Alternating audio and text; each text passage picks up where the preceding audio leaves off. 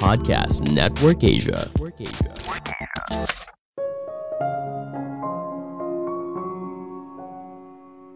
Orang yang sukses jago dalam program otak mereka dan membuat banyak kebiasaan positif bergerak secara otomatis. Halo semuanya, nama saya Michael. Selamat datang di podcast saya, Sikutu Buku. Kali ini saya akan bahas buku Rewire karya Richard O'Connor. Sebelum kita mulai, buat kalian yang mau support podcast ini agar terus berkarya, caranya gampang banget. Kalian cukup klik follow. Dukungan kalian membantu banget supaya kita bisa rutin posting dan bersama-sama belajar di podcast ini. Buku ini membahas bagaimana cara mengubah cara kerja di otakmu untuk keluar dari kebiasaan buruk, kecanduan, dan sebagainya. Pernah nggak kamu melakukan sesuatu tanpa sadar, lalu kamu baru sadar betapa bodohnya hal tersebut? Kamu berharap bisa mengulang waktu dan tidak melakukan hal itu lagi. Kadang hal ini bisa saja tidak begitu berbahaya, misalnya hanya typo saja, namun ada beberapa tindakan yang diulang terus-menerus selalu menjadi kebiasaan dan akhirnya membentuk hidup yang kamu jalani sekarang. Misalnya, makan berlebih, merokok, mabuk-mabukan, dan sebagainya. Mungkin saja kita pernah mengalaminya. Kebiasaan baik dan buruk semuanya ada di dalam diri kita dan inilah yang membuat kita sebagai manusia. Menariknya, semua ini diprogram oleh otak. Ketika kita membuat sebuah kesalahan yang kita tahu salah, tapi anehnya kita justru mengulanginya lagi dan lagi. Saya merangkumnya menjadi tiga hal penting dari buku ini. Pertama, otak sadar, dan otak otomatis. Kamu pasti pernah berada di situasi ini. Kamu berhadapan dengan dua pilihan, kamu sudah tahu mana pilihan terbaik, tapi tetap saja kamu membuat keputusan yang buruk. Kenapa? Menurut penulis, di dalam diri manusia terdapat dua jenis diri, diri yang sadar dan diri yang otomatis. Kedua jenis diri ini mempengaruhi bagaimana kita mengambil sebuah keputusan. Diri yang otomatis bertindak tanpa kendali. Inilah yang membuat kamu makan popcorn sambil nonton TV, sedangkan diri yang sadar menggunakan pikiran rasional dan nalar. Ketika kamu mencoba hal baru, biasanya diri yang sadar mengambil kendali. Perilaku buruk terjadi saat diri yang otomatis mengambil alih. Saat itu, kamu hanya fokus kenikmatannya saja tanpa mempertimbangkan resikonya. Jadi, kamu harus memperkuat diri yang otomatis agar lebih efektif. Otak kita bisa berubah dan kamu bisa mengarahkan perkembangannya. Ketika kita melakukan sesuatu berulang-ulang, maka jaringan sel kamu akan terus-menerus membangun ikatan satu sama lain. Misalnya, jaringan A yang membawa pesan pergi ke tempat gym terhubung dengan jaringan B yang membawa pesan terus berlatih di tempat gym sampai latihannya selesai. Semakin sering kamu melakukan aktivitas ini, maka lama-kelamaan akan menjadi kebiasaan. Ikatan jaringan A dan jaringan B akan semakin kuat. Jadi, jika kamu ingin mengembangkan kebiasaan baik, maka kamu perlu mengganti kebiasaan buruk. Merubah kebiasaan memang tidak mudah. Diri yang otomatis punya banyak kebiasaan. Ada yang bermanfaat, tapi ada juga yang merugikan. Kita belajar semua ini secara tidak sadar. Misalnya, kamu menonton TV dan nyemil gorengan saat pulang kerja, daripada pergi berolahraga. Beberapa kebiasaan bisa kita identifikasikan kalau itu adalah kebiasaan yang buruk misalnya merokok, makan berlebih, mabuk-mabukan, dan sebagainya. Namun ada beberapa kebiasaan yang kita pikir baik tapi ternyata merusak. Misalnya self-serving bias. Ketika kita menganggap kalau hal baik itu terjadi berkat diri kita sendiri, tetapi ketika hal buruk terjadi, kita menyalahkan sesuatu yang berada di luar diri, entah orang lain, situasi, dan sebagainya. Sebagai contoh, Ketika kamu mendapat nilai bagus di kelas, kamu merasa pantas mendapatkannya karena kamu belajar semalaman. Tapi ketika kamu mendapat nilai jelek di tes yang lain, kamu merasa kalau gurunya tidak adil atau pilih kasih. Menariknya, banyak orang yang percaya diri dan bahagia mendapatkan manfaat dari self-serving bias. Mereka merasa berhak untuk menerima semua itu. Percayaan kita terhadap diri sendiri atau orang lain mempengaruhi cara kita melihat dunia.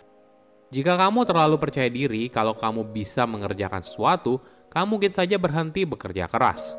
Atau ketika kamu bertemu seseorang yang kamu anggap kurang pintar, kamu mungkin saja tidak akan mendengar apa yang orang itu katakan.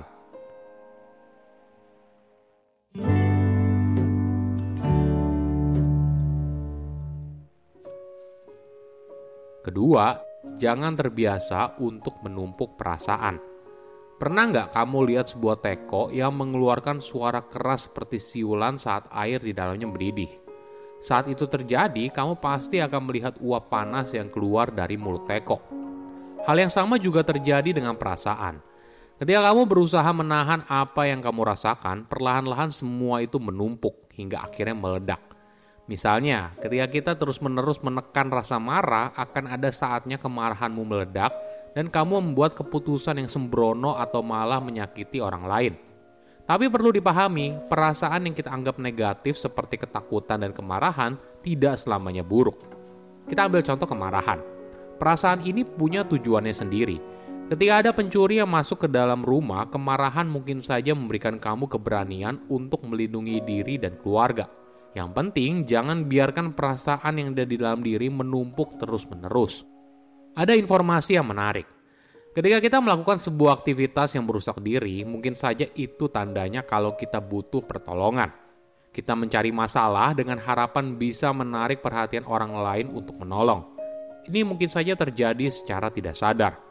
Maklum saja, kebanyakan orang kesulitan untuk meminta pertolongan kepada orang lain – Mungkin saja karena mereka takut ditolak atau takut dianggap lemah. Inilah cara halus yang mereka gunakan. Penulis bercerita pengalamannya saat bertemu remaja yang punya masalah narkoba. Remaja itu dua kali memperlihatkan narkoba di depan ibunya. Ketika penulis mulai menggali apa alasannya, ternyata remaja itu hanya ingin seorang ibu yang perhatian. Remaja itu ingin ibunya melihat perilakunya yang buruk dan memarahinya.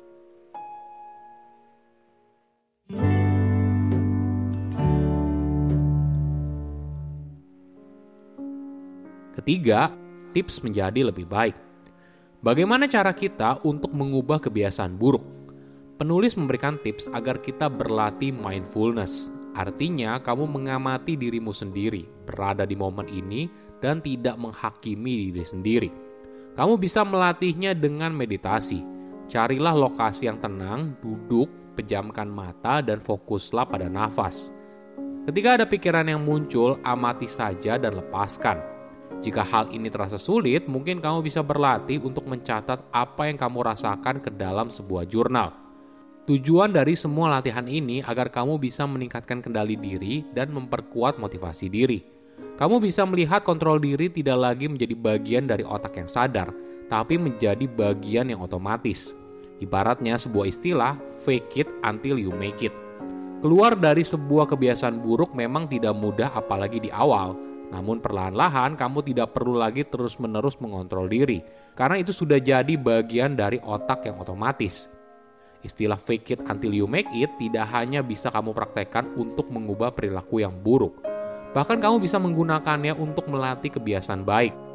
Misalnya kamu berpura-pura menjadi orang yang ramah dengan selalu tersenyum dan menyapa setiap orang yang selalu kamu temui. Lama-kelamaan hal ini menjadi sesuatu yang otomatis dan kamu akan kaget atas hasilnya. Oke, apa kesimpulannya? Pertama, diri yang sadar dan otomatis. Diri yang otomatis bertindak tanpa kendali, sedangkan diri yang sadar menggunakan pikiran rasional dan nalar. Perilaku buruk terjadi saat diri yang otomatis mengambil alih. Saat itu, kamu hanya fokus kenikmatan saja tanpa mempertimbangkan resikonya. Kedua, jangan menumpuk perasaan. Ketika kamu berusaha menahan apa yang kamu rasakan, perlahan-lahan semua itu menumpuk hingga akhirnya meledak. Misalnya ketika kita terus-menerus menekan rasa marah, akan ada saatnya kemarahanmu meledak dan kamu membuat keputusan yang sembrono atau malah menyakiti orang lain.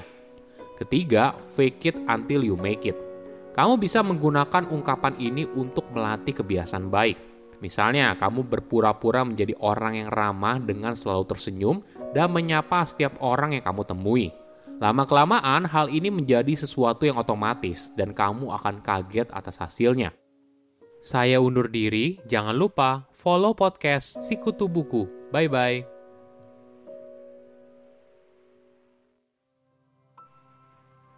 Pandangan dan opini yang disampaikan oleh kreator podcast, host, dan tamu tidak mencerminkan kebijakan resmi dan bagian dari podcast Network Asia.